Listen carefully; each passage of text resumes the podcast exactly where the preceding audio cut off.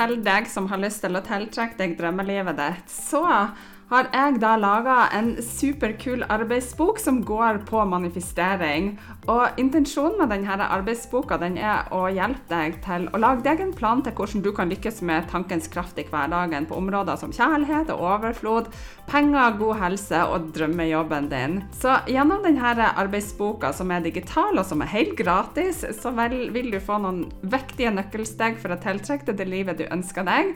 Og trikset ligger faktisk i å planlegge og ikke minst ta action og gjøre manifestering til en livsstil. Så hvis du har lyst til å laste den ned og begynne å jobbe med manifestering og gjøre det til din livsstil i din hverdag, så klikk på den linken som ligger med, og da kan du laste ned din gratis arbeidsbok på manifestering. Vær så god, en gave fra meg til deg. Hei, hei, det er Rakel her, og du lytter til podkasten Litt bedre. Og her får du motivasjon og inspirasjon til et litt bedre liv hver dag. Det er ofte ikke de store tingene, men de små som skal til for at du skal prestere bedre, sove bedre, få mer energi og overskudd. Ja, you name it. Her skal du få spiselige tips som du kan bruke direkte i hverdagen. Trekk pusten, senk skuldrene og tenk at dette er dine minutter sånn akkurat nå. Hei, det er Rakel her, og velkommen så masse til en ny dag på Den magiske reisa. Den magiske reisa er en selvutviklingsreise på 31 dager med små mentale daglige oppgaver som tar kun noen minutter av dagen din, og som kan gi deg fantastiske helsegevinster, sånn som mer overskudd, energi, du kan sove bedre, få bedre selvtillit og alt du trenger for å ha et godt liv. Du trenger ikke å høre på de andre dagene for å få godt utbytte av dagens oppgave, og du kan når som helst gå fram og tilbake til de ulike oppgavene og dagene, og du vil uansett få masse igjen for det. Lover. OK, over til dagens oppgave.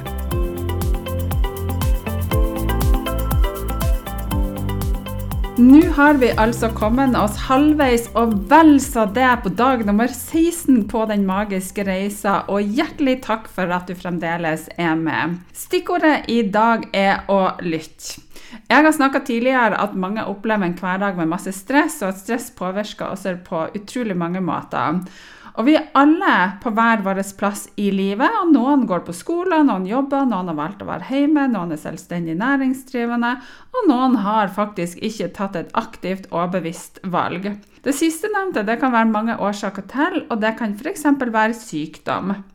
Og Jeg har blitt intervjua flere ganger om valgene som jeg har tatt i mitt liv. Og de av dere som har lest intervjuet 'Droppa millionlønn fulgte hjertet', vet at journalisten skriver om et bevisste valg om å slutte i min jobb innenfor bank og finans og gå over til alternativ medisin. Men hadde egentlig et bevisst valg. Jeg kjente jo inni meg at jeg var nødt til, jeg måtte ta et aktivt valg av flere grunner. Og en av grunnene var jo min egen kropp. For jeg hadde kjørt meg sjøl så utrolig langt helsemessig at jeg så jo faktisk ingen annen utvei der og da.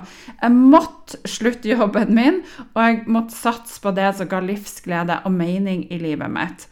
Og for å i hele tatt gjøre det, så måtte jeg lytte til egen kropp, og den hadde i mange år fortalt meg og gitt meg beskjeder når jeg hadde jobba for mye, om jeg var sliten, jeg hadde fått for, ny, for lite søvn eller om at jeg var stressa.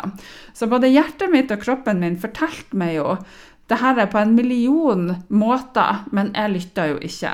Jeg hadde min logiske sans, og den fortalte meg kom igjen, Rakel, bare stå på videre. Det her klarer du. Og jeg måtte fortsette å legge press på meg sjøl. Og alle høytider, jeg vet ikke om du kjenner deg igjen i det, men jeg lå rett ut med en eller annen form for sykdom. Jeg har hatt to prolapsoperasjoner, og til slutt havna jeg på sykehuset med det som jeg trodde var et hjerteinfarkt.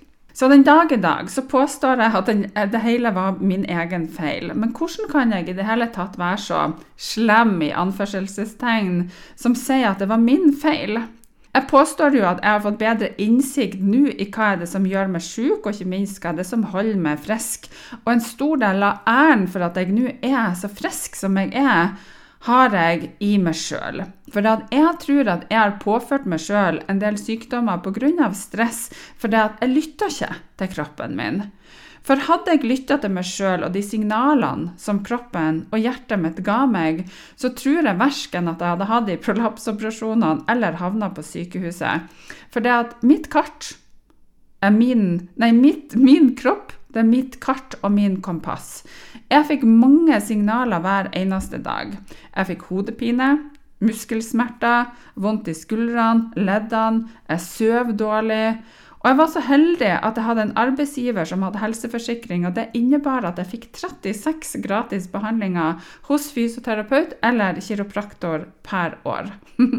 og jeg brukte alle timene hvert år i mange år. Ble jeg noe bedre? Ikke noe særlig. Og det er ikke fordi at de gjorde en dårlig jobb, absolutt ikke. Men jeg klarte ikke inni meg å finne balansen. Jeg pusha og pusha og pusha og pusha, og jeg lytta ikke til kroppen min. Og jeg anbefaler så absolutt alle å ta sånne typer behandlinger, for de kan så absolutt hjelpe. Men da å kombinere det med metoder som behandler hele mennesket, både fysisk og mentalt. Og kroppen din den kan manifestere fysiske sykdommer som svar på stress gjennom det som kalles fight or flight-responsen. Og dette er kroppens naturlige reaksjon på stress og fare, som involverer et komplekst samspill mellom nervesystemet ditt og hormonene dine.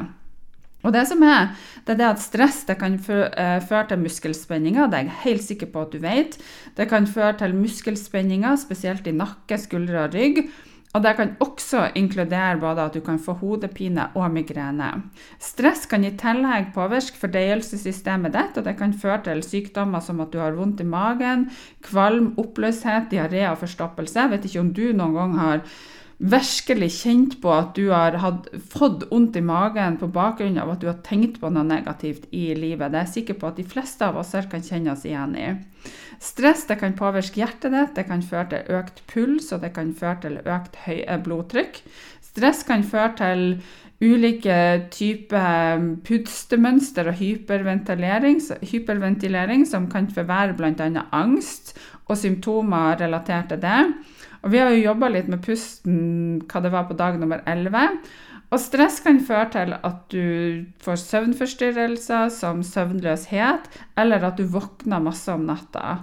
Og du vet jo nå at det er bra for deg å sove godt, og du er din egen problemløser gjennom natta når du har sovet godt. Så stress kan føre til at huden din og, og, Eller den kan påvirke huden din, og den kan føre til tilstander som du får mer kviser, mer eksem og psoriasis. Og det kan forverre eksisterende hudsykdommer. Så langvarig stress kan svekke immunforsvaret ditt, noe som kan øke risikoen for infeksjoner og sykdommer. Det kan påvirke appetitten din, og det kan føre til vektendringer, enten ved å øke eller redusere matinntaket. Så konstant stress kan jo føre til at du vedvarende kan føle deg både trøtt og utmatta. Så oppgaven i dag, og forhåpentlig også resten av ditt liv, det er å begynne å lytte til kroppen din. Hva er det kroppen din forteller deg? Har du noe vondter rundt omkring? Og dersom du har noen vondter i kroppen, så stopp opp og hør. Lytt til hva kroppen forteller deg. Og vi har fire hovedgrunnpilarer som er avgjørende for å ha et godt liv. Og det er nummer én mentaltrening, nummer to fysisk trening, nummer tre kosthold, og det siste, nummer fire, er søvn. Så dersom du ikke har det bra, så er det nok en av de her fire som er off. Og da vil jeg anbefale deg å finne ut av det med en gang, altså i dag. Ikke i morgen eller neste uke, men i dag.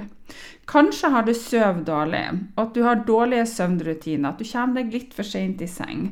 Kanskje er det at du må få det på plass igjen for at du skal bli bedre. Eller kanskje er det at du ikke spiser helt sånn som din kropp trenger at du spiser. Kanskje du må gjøre noen endringer der. Kanskje er det at du er med på veldig masse. Og kanskje er du et utprega ja-menneske som blir med på alt. Og av og til så må man også si nei til hyggelige ting dersom det går utover din energi og ditt overskudd. Så tenk over at kroppen din er ditt kart og kompass. Så lytt kroppen din og hjertet ditt, og hør etter hva er det den sier til deg. Og sånn gir du deg sjøl og kroppen din de beste forutsetningene for å ha et godt, lykkelig og langt liv. Så med det sagt, kjære deg, så ønsker jeg deg en fantastisk fin dag, og så høres vi på podden i morgen igjen.